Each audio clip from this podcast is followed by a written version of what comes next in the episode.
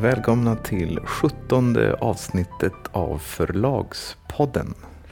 Okej, det var väldigt eh, stilistiskt avvaktande. Ja, men det måste ju presenteras på ett nytt sätt. All right. Av Kristoffer Lind då. Och med Kristoffer Winkler.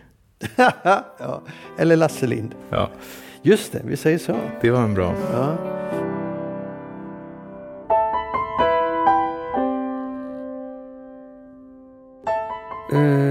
Det finns en annan sak som är rätt intressant i media just nu, i alla fall i branschen. Och det är kommentarerna till Bonniers översätt, nya översätt, förslag till nya översättaravtalet. Du hade synpunkter på det. De får ju väldigt mycket kritik för det från översättarna. Ja, de får väldigt mycket kritik för det från översättarna. Men vad de gör, det är väl det som vi inte ännu har gjort, men gärna skulle vilja göra också, som en del andra förlag gör. Det är att man vill klumpa ihop ersättningarna. Att tidigare har man då haft, eller man har betalat för översättningen och sen så har man haft sekundärersättning för pocket och sekundärersättning för e-bok och sekundärersättning för ljudbok. Vilket, vilket betyder alltså att så fort ett nytt format eller en ny version av verket ges ut så får översättarna ytterligare en Ja. påspädning av Ja. ersättningen. Eh, och från förlagssidan, alltså från förlagssidan så tycker man att man betalar ju ändå. Man har betalat för det och sen så kan man inte använda det hur man vill. Eh, och från, Jo, det kan du. Du kan ju använda det precis hur du vill. Men du menar, jag vet att du tycker att till exempel när det gäller ljud så blir det väldigt dyrt. ja, alltså det, det gamla översättaravtalet som ju inte längre gäller.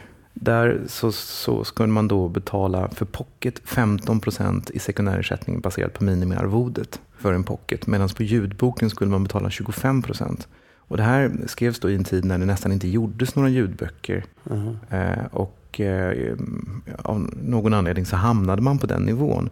Och idag har vi då ett läge med en väldigt stark ljudboksmarknad. Men översatta titlar, oavsett om det är romaner eller deckare, säljer alltid avsevärt mycket sämre än svenska. Så det är redan, redan från början så finns det en uppförsbacke med allt som är översatt. Och när man då har den här, den här kostnaden på 25 procent som då Ja, det rör, rör sig om 15 000, 20 000 kronor per produktion. Det fördyrar ju produktionen väldigt avsevärt. Och då är det ofta så att man får inte göra den.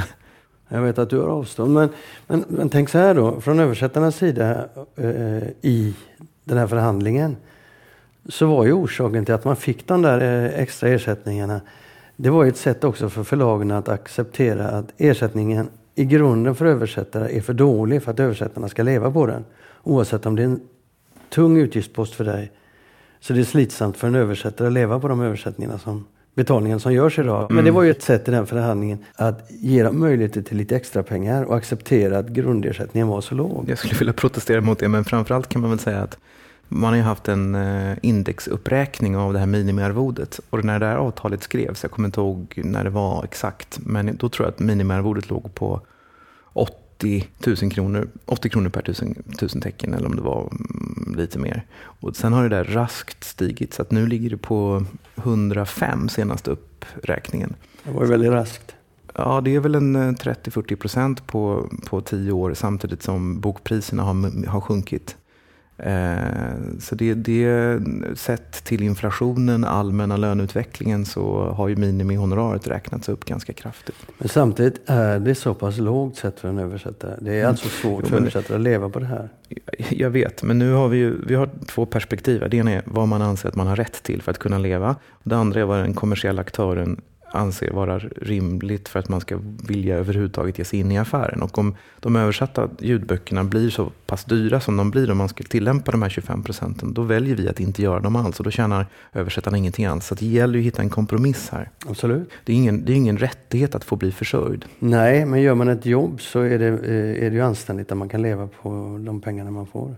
Översättare, jag anser att översättare har väldigt dåligt betalt. Så jag skulle gärna se att de fick mer betalt.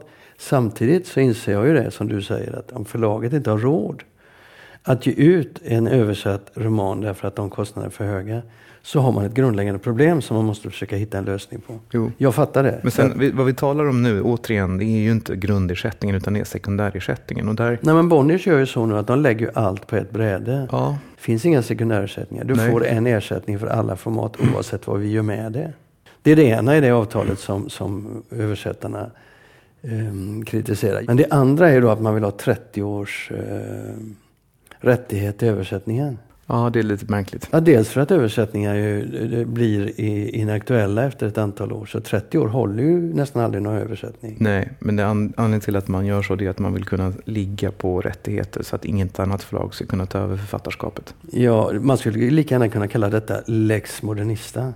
Ja. Därför att det är ju där. Eh, modernista har ju de senaste åren eh, försökt att komma över författarskap som är liggande, böcker som inte kommer ut. Eh, och det är framförallt Bonniers man har inriktat sig på. Eh, och Bonniers har i vissa fall försvarat detta eh, genom att säga till agenterna att ni får inte sälja de rättigheterna om ni vill ha som kund. Va? Och de Modernista eh, lurat dem inom situationstecken. De har ju gått och köpt eh, en, eh, kommit överens med översättarna att vi köper din, ersätt, din översättning. Och så kan inte Bonniers ge ut de här böckerna överhuvudtaget. Även om de har gett ut dem förr. Vilka, vet du vilka författarskap det gäller? Eh, jag har inte det i huvudet nu, men det här fick ju både Bonniers och Norstedts att bli vansinniga på Modernista. Modernista var ju förbannade på de stora förlagen för att de hade författarskap och inte gav ut böckerna. De så att säga låste dem. Va? För de ville inte ha konkurrens att de här böckerna kom ut på marknaden. Det där kan man diskutera. Jag, jag, eh, jag gillade att han var lite full i fan där, eh, Pietro Maglio. Men samtidigt förstår jag att förlagen blev mm. irriterade när han köpte upp eh, översättarrättigheterna bakom ryggen på dem. Ja. De gamla. Va? Nej, men jag, det, det, det kan de 30 inte längre. År, 30 år förlåter fullständigt orimligt. Och som, jag, som jag brukar säga i alla möjliga sammanhang vad gäller det här med att låsa, binda upp författare. Det är att om kärleken tar slut så är det väldigt svårt att hänvisa till ett ingånget avtal om att vi ska fortsätta ge ut varandra. Och det, Bonnier, det är, finns säkert en lex modernista aspekt på det här men Bonniers kommer ju själva också, men om, om vi skulle tillämpa samma sak så skulle de få lite svårt när de ska ta över Göran Lierhorsts översättningar. Mm. Jag skulle ju inte släppa dem. Nej. I så fall. Och det, även om de då har, när de, alltså de, licensen kan de ju, licenserna på översättningar är oftast på sju år. Mm. Så att när den går ut så kan de då, då har de rätten att ge ut ett verk i Sverige men de måste ju då också äga översättningen. Och om då någon sitter på den och har någon slags option i 30 år så kan man då stoppa Bonnier från att ta över Horst. Eller man kan, man kan stoppa honom från att ta över Kajsa Mitchells översättningar. Och sen så ja, så måste de då i så fall eh, göra nya översättningar, vilket blir mm. fruktansvärt dyrt. Men det här är ju också en märkliga sak utifrån eh, upphovsrätten. Därför att om man, eh, det, då sitter alltså förlagen och blockerar översättarnas möjlighet att få en sekundärersättning. Eller att sälja sin översättning vidare.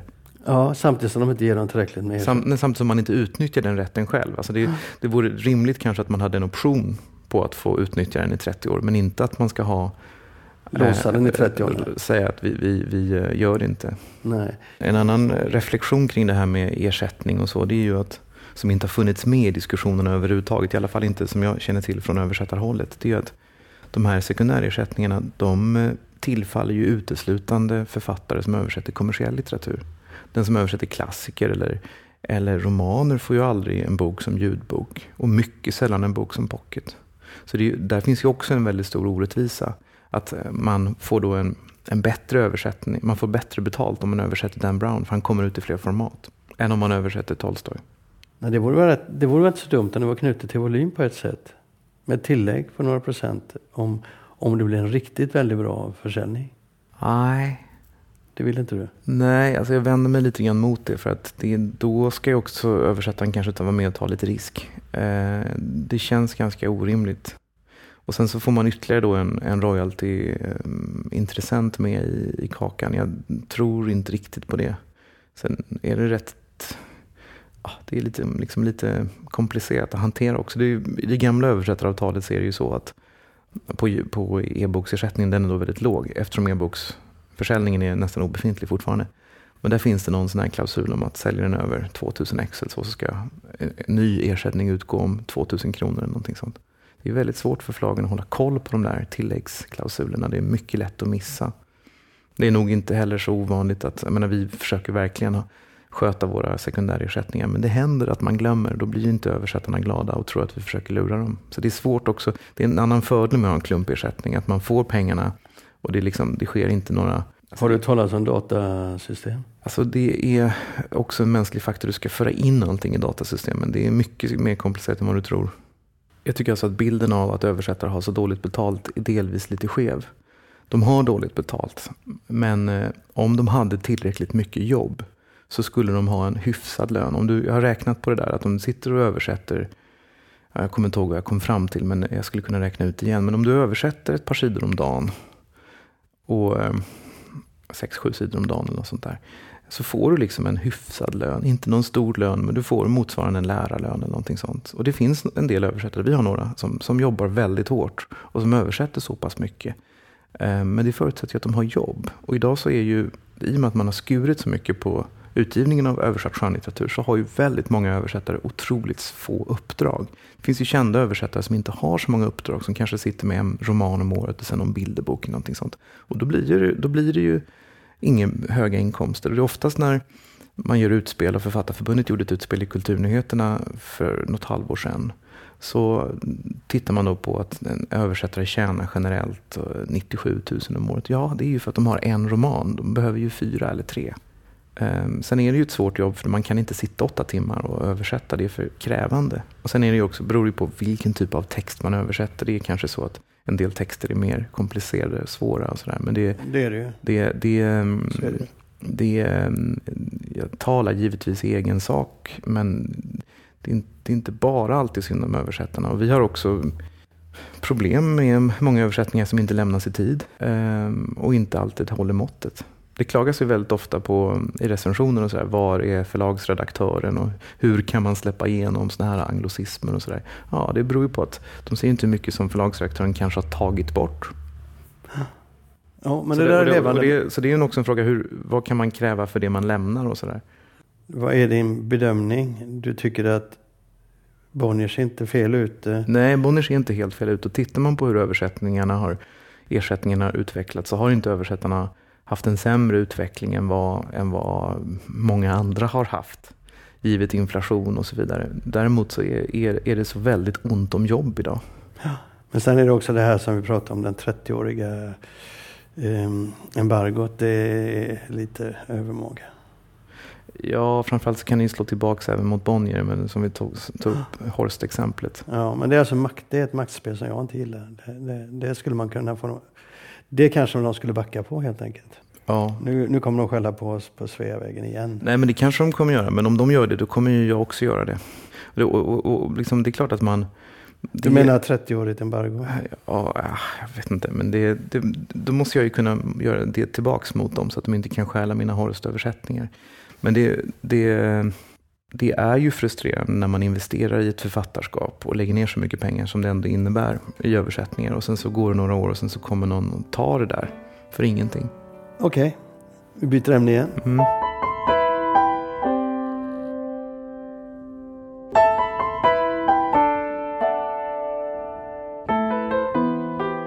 För du gav ut en mycket intressant bok i våras som vi pratade om på Bokmässan. Ja, den kom i höstas. Höstas kanske den kom. Ja, men vi pratade om den på Bokmässan, det som vi inte sände. Mm. Och, och Um Palm har pratat om den här i podden som ett exempel på en ny trend. Uh, en feel good, uh, feel bad bok. Alltså en undergenre som man kallar feel bad inom feel good. Ja, det är en väldigt rolig formulering av Unn.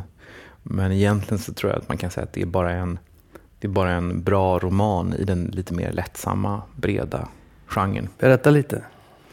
Eh, boken heter eh, Eleanor Oliphant mår alldeles utmärkt. Mm. Och den eh, köpte vi på Frankfurtmässan för ett par år sedan och var då en av de mest eh, omtalade böckerna på den, på den mässan. Och vi köpte den och en annan bok i en tvåboksaffär. Med samma författare? Med samma författare, Gail Honeyman. Eh, hur som helst så har, alltså det, det, det är en bok då som eh, handlar om en, en kvinna som heter Elinor Oliphant. Ett fantastiskt namn. Ja. Och den här kvinnan är mycket speciell. Hon har oerhörda eh, hon lever ett väldigt inrutat liv. Varje, varje dag så, eller varje helg så köper hon två stycken vodkaflaskor och en flaska Chianti och två fryspizzor och sen så låser hon sig in, in sig i sitt hem och, och liksom dricker det här och befinner sig i någon slags konstant rus. Sen går hon till jobbet, hon har ett jättetråkigt jobb, hon jobbar som ekonomiassistent på en redovisningsbyrå. Och hon är ganska tråkig. Och en gång i veckan så ringer hennes mycket elaka mor. Och då måste hon vara hemma och svara i telefonen och bli förnedrad. Man känner ingen särskild sympati för den här kvinnan. Hon är helt klart autistisk. Hon har någon störning, det är helt uppenbart. Hon förstår ingenting, hon har inga kompisar. Och sen en vacker dag så händer någonting. Hon är, hon är på stan och hon ser en man som är ute och handlar och han faller ihop. Han får någon slags hjärtinfarkt. Och då råkar det vara så att hon springer fram till mannen och en annan person som gör det är en arbetskollega till henne, en kille som sköter IT, IT-killen IT på jobbet. Eh, och eh, lång historia kort, de tar den här mannen till sjukhus för de måste ju göra det liksom, och de följer med ambulansen och sådär.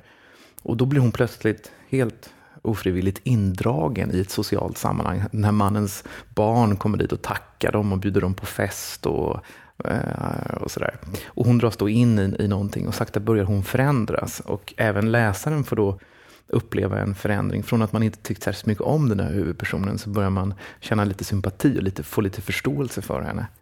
Eh, det, är en, det är en originell historia som, som är absolut inte någon, någon höglitterär eller svårtillgänglig bok, utan det är en, en, en, eh, en bred eh, roman. Men, men jag måste ju säga, mm. när jag, jag har börjat läsa den, mm. för jag blev väldigt nyfiken mm. när vi pratade om den.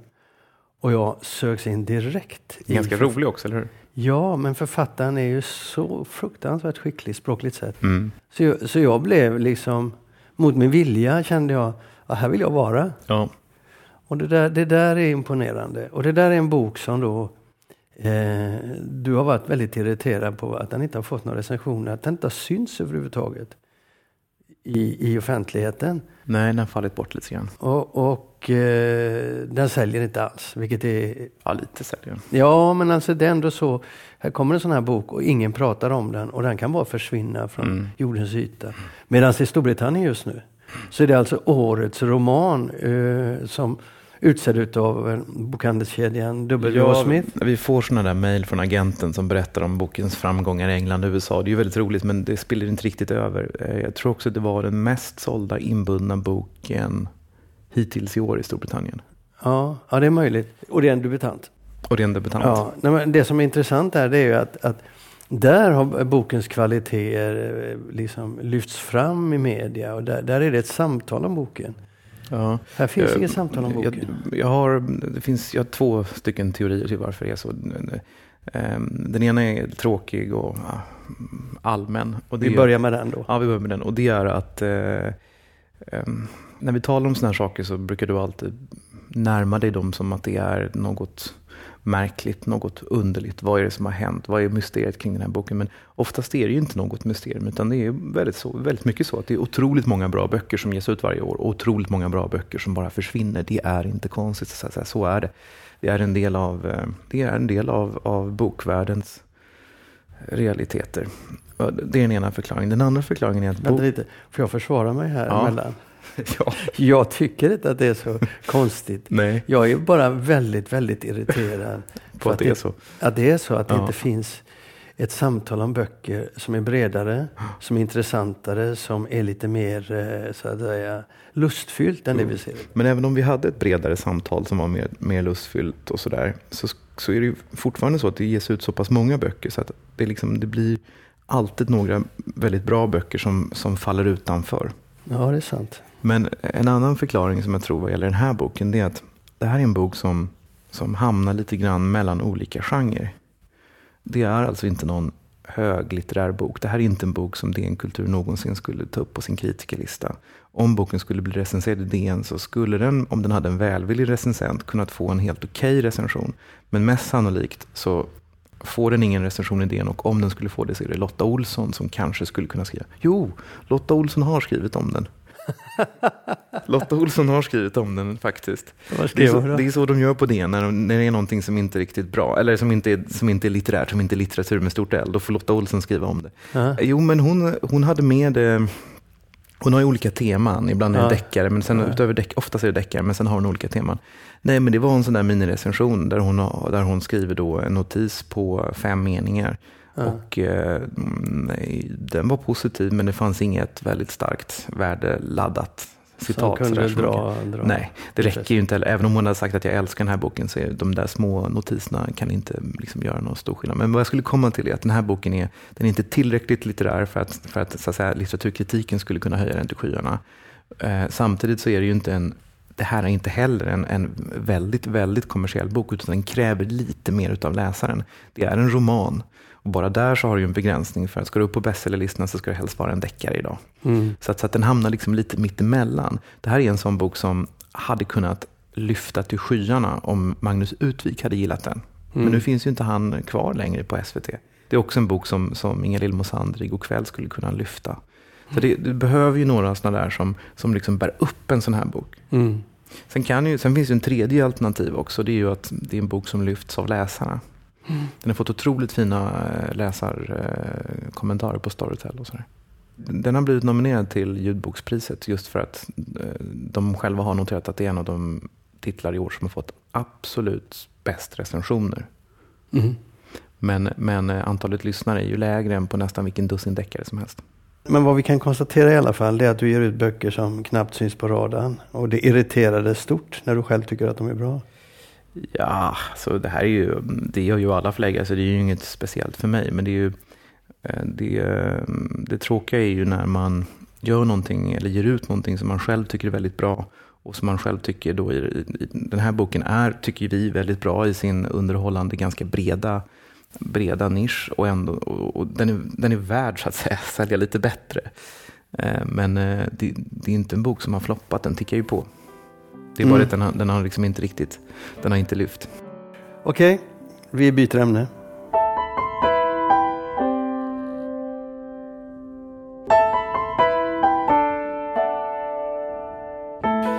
Du, nu är vi i eh, början av ett nytt år.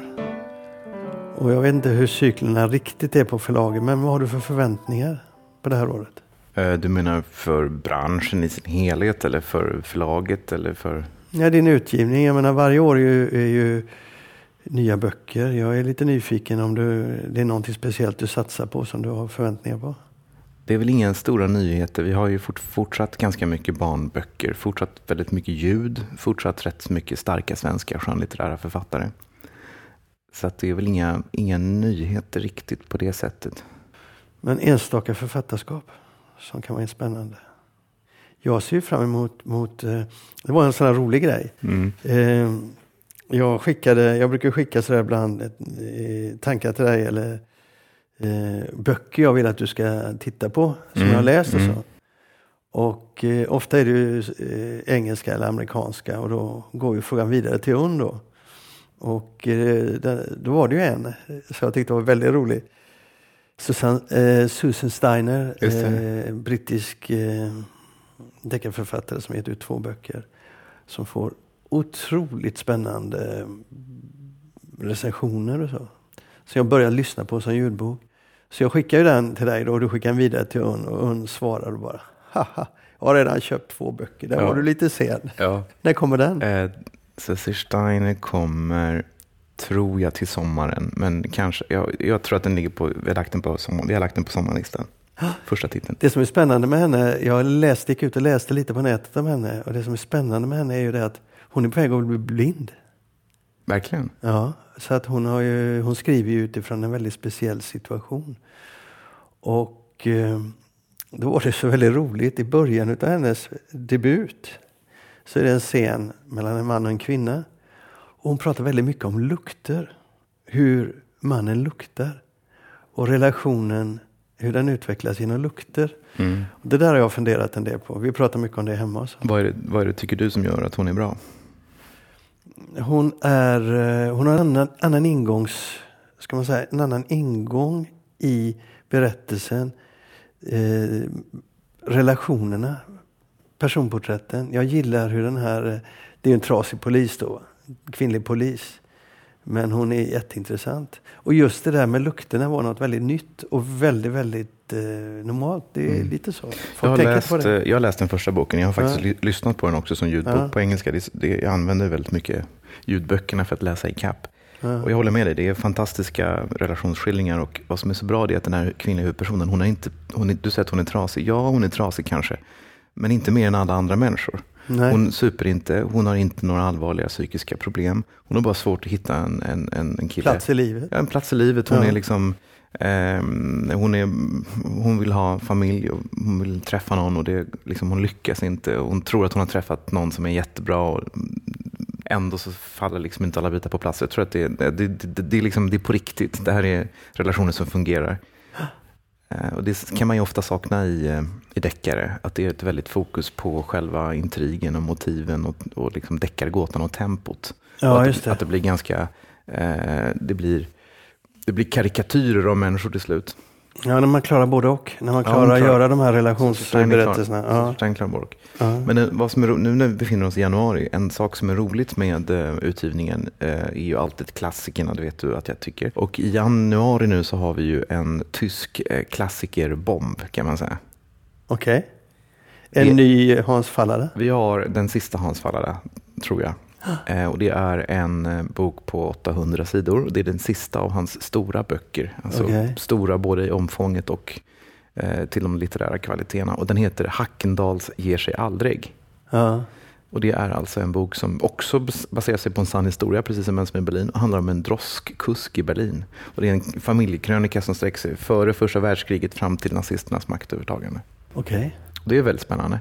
Och sen kommer ungefär samtidigt så kommer ju eh, Josef Roths eh, stora mästerverk Radetzky-marschen. Ger du ut den? Ja. Det visste inte jag. Jag läste den idén häromdagen faktiskt. Nej, du läste inte om den idén, du läste nog om någon annan. För att han har ju börjat återutges. Ja. Eh, och Ruin har givit ut några grejer och sådär. Och det har kommit översatt saker som inte funnits på svenska tidigare. Ja. Men ingen har av någon anledning plockat upp Radetzky-marschen som är hans mästerverk och hans stora roman. Det intressanta med både Fallada och, och, och, och Joseph Roth det är ju att de, de eh, speglar den här världen, hur det gick till. Hur nazismen växte fram, hur konflikterna utvecklades i samhället. Hur det kunde komma sig att vanliga människor kunde hamna i de här situationerna. Eller vanliga innan citationstecken. Fallada gör ju definitivt det. Jag vet inte riktigt om... Eh, Josef Roth gör, Roth gör ju det naturligtvis i sin journalistik. Men Ja. han, han, var ju under sin samtid otroligt känd som en Journalist, eh, ja. journalist och, och samtidsskildrare och intellektuell allmän gigant. Men han, var, han skrev ju inte så väldigt många romaner. Radetzky-marschen som, som i hans mästerverk är ju en bok som skildrar tre generationer Ja, trotta i Österrike och Ungern. Så det är en bok som snarare skildrar Österrike och Ungerns nedgång och fall. Eh, Så han, han skildrar ju på något sätt upptakten till den nya världen som ju också på något sätt banade väg för, för fascismen och nazismen och andra Mm. världskriget. Men det är ju eh, det, är det som, som Radetzky-marschen handlar om. Och det där var ju en värld som eh, Josef Roth var väldigt förtjust i Mm. eh, mot slutet av sitt liv. Han var ju, han, hans böcker förbjöds ju i Tyskland och han, han eh, var tvungen att leva i exil. Han bodde i, i Holland och sen så Paris och dog där på ett hotell kraftigt alkoholiserad och nedsupen och utblottad. Eh, han försörjdes mer eller mindre av sin gode vän eh, Stefan Zweig mot slutet av, av livet. Det visste jag inte. Men däremot så visste jag att han var en av de första som såg vad som höll på att hända. Ja, han var väldigt tidig och han, var mycket, han och Stefan Zweig bråkade mycket om det här för han tyckte att eh, Zweig var alldeles för anpasslig. Att han borde ta strid mer mot, han borde byta förlag och han borde ta strid, han borde markera hårdare. Och så. Han såg vad som kom. Ja. Men det har vi, en tysk klassiker kanon. Ja, vad intressant. Den ska jag faktiskt läsa. Men, men om du tittar på året som helhet, så hur ser du, hur ser du på... eh, vilka förväntningar har du på året i övrigt? Så det här var i början av året, men du vet ju redan nu vad du har för utgivning hela året. Nej, men jag har, vi har en väldigt, väldigt fin och bra utgivning. Ehm, det, är en, eh, det ska bli spännande att se. Sen är det ju alltid sådär när man tittar fram på ett nytt år, det är att man, man har vissa böcker som man hoppas och tror på väldigt mycket. Man har böcker som man är glad över att man ger ut.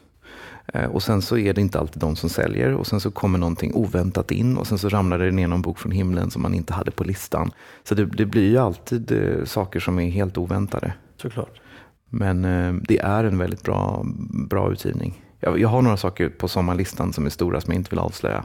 Därför att, Fortfarande hemligt. vad har du läst på senare tid som har gjort dig väldigt förtjust? Menar du, hur menar du då? Ja, nu läser du mest för eh, Ja. kommande böcker Ja. och så, men, men ibland så läser man ju ting, man läser någonting, lyssnar på någonting och känner bara vad bra det där är. Vad oerhört bra det här är. Det hade jag inte förväntat mig. Jag har nämligen en sån upplevelse. Okej, berätta. Ja, John Hart, en amerikansk eh, deckarförfattare. det kanske var självklart, men jag lyssnade på honom i, i, i, i, eh, ja, i slutet av året. Eh, Redemption Road. Och det var en fantastisk bok. Jag hade inte väntat mig det. Jag har liksom aldrig hört talas om honom. Jag såg någonstans någon som beskrev hans böcker så tänkte jag, ja, jag testar den. Jag lyssnar på den. Och det var en otrolig berättelse som höll mig fångad i, i 14-15 timmar. Jag, jag, ville liksom bara komma tillbaka till berättelsen. Jag ville inte prata med folk utan jag ville bara lyssna på boken. Så John Hart är ett sånt här nytt namn för mig som jag bara njuter av. Men han går nog inte att översätta till svenska tyvärr. Det är nog för litet underlag. Jag, jag läser ju väldigt mycket arbetsrelaterat och jag läser ju väldigt mycket som är omvärldsbevakningsläsning. Mm. Så att de här nöjesläsningarna är oftast begränsade då till sommaren. Mm. Men jag har en, en sommarbok, eh, alltså det var ju då i somras som mm. jag läste, men som är intressant för att det var en bok som jag hade tackat nej till. Eh, jag fick den på tyska Eh, Eh, och eh, jag tänkte att det här, det här, var en sån tunn liten bok så den här kan jag klara av att läsa på tyska. Det var inte så svårt språk heller. Men du vet hur det är, man har fruktansvärt mycket att göra och man hinner inte. Och agenten låg på mig och frågade hur ska du göra, ska du köpa den här eller inte? Och till slut sa jag nej för att jag orkar inte ha dåligt samvete för att jag aldrig gav något besked. Eller läste boken. Och sen i somras var jag i eh, i London och då hittade jag boken på engelska i en bokhandel. och tänkte jag, nu ska jag läsa den här. Och då gjorde jag det och tyckte den var alldeles underbar. Eh, och så tänkte jag, äsch vi köper den i alla fall. Vilken var det? Och den kommer ut i eh, sommar och den kommer upp på sommarlistan.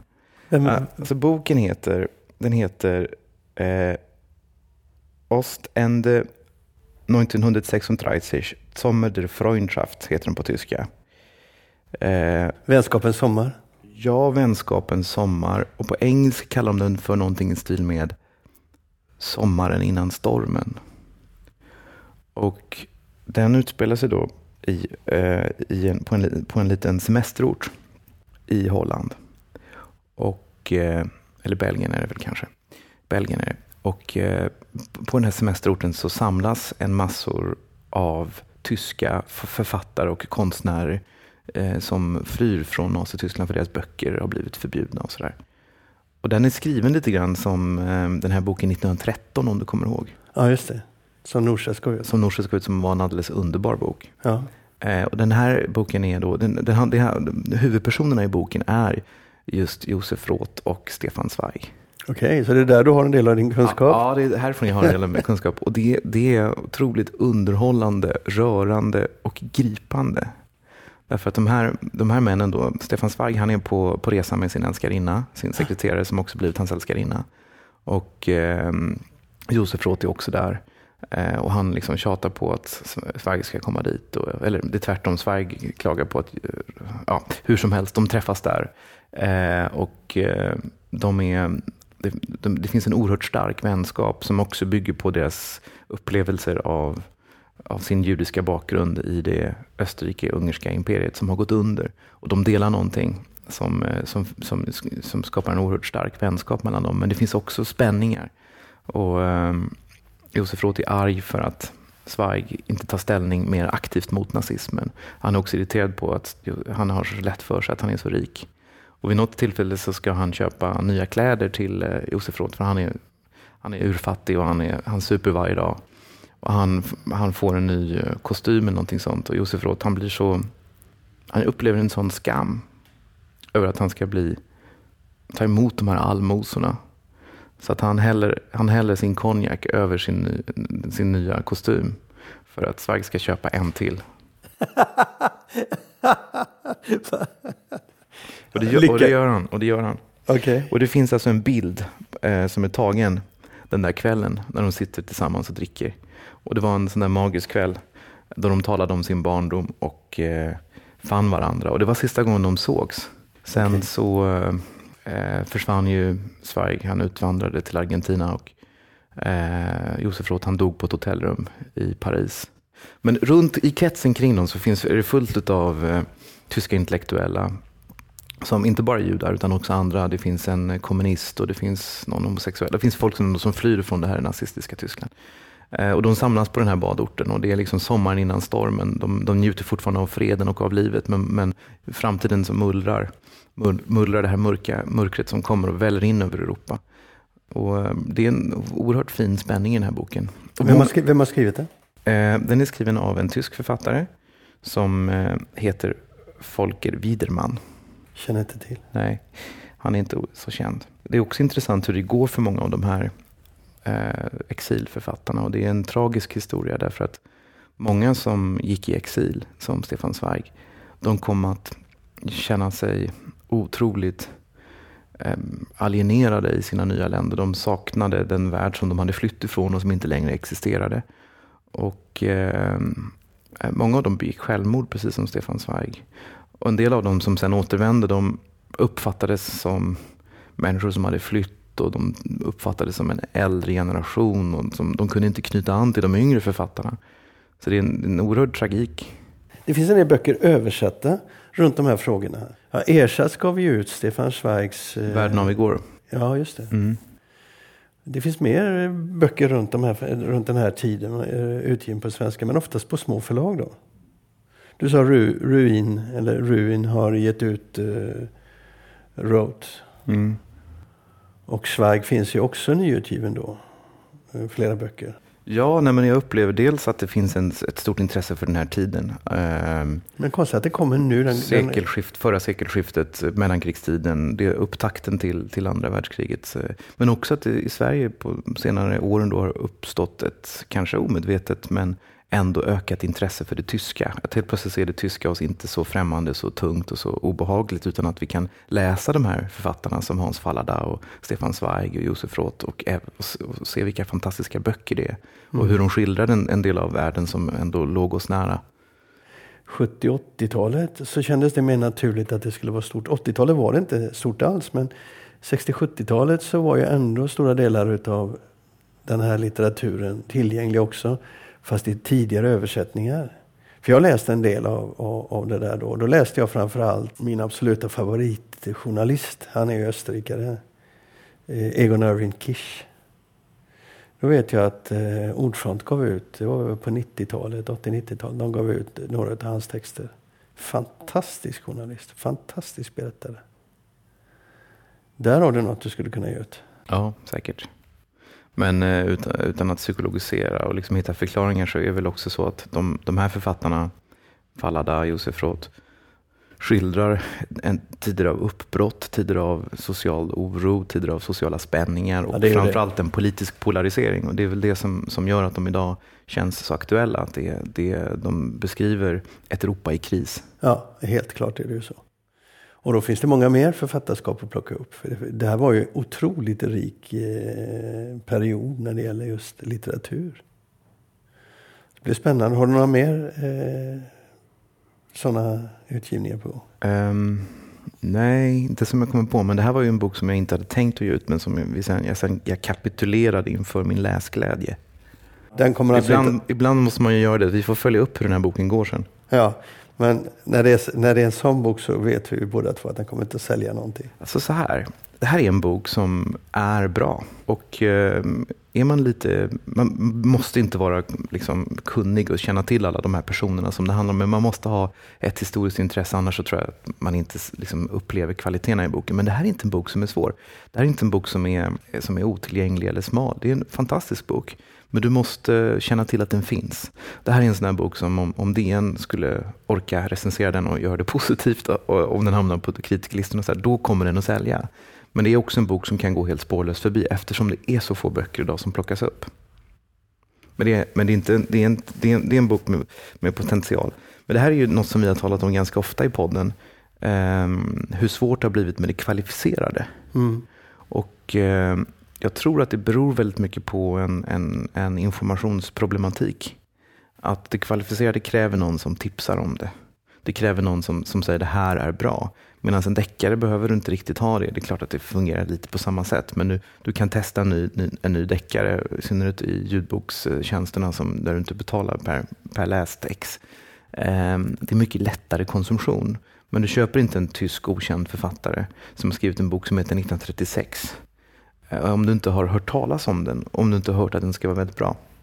Nej, men så är det. Så är det. Men där är också den här situationen som jag kan tycka är väldigt, är jag väldigt förtjust i. Om jag går in i en bra bokhandel och så ligger de här böckerna där och så börjar jag bläddra. Ofta så blir det så, nej den vill jag ju ha. Ja, Men det är klart, det är inte, kanske inte så många som gör det längre. och det förutsätter att böckerna finns där. Mm. Och det gör de inte ofta. Jag sa bra bokhandel. Idag när jag går in i bokhandel i allmänhet så går det rätt fort. Det är liksom same same. Japp, det där var 17 avsnittet av eh, Förlagspodden. Mm. Eftersom du har hetat Lasse under det här avsnittet så hoppas jag att du har varit lite grinig och lite romantisk och haft lite fel. Ja, det är ju min läggning. Ja, och eftersom jag har varit Kristoffer i det här programmet då, Ja. så, så har jag varit stringent och så, väldigt kunnig och insiktsfull. Ja. Eller hur? Jag vet inte, allt är en chimär. Ja, så säger vi. Hej då! Hej då.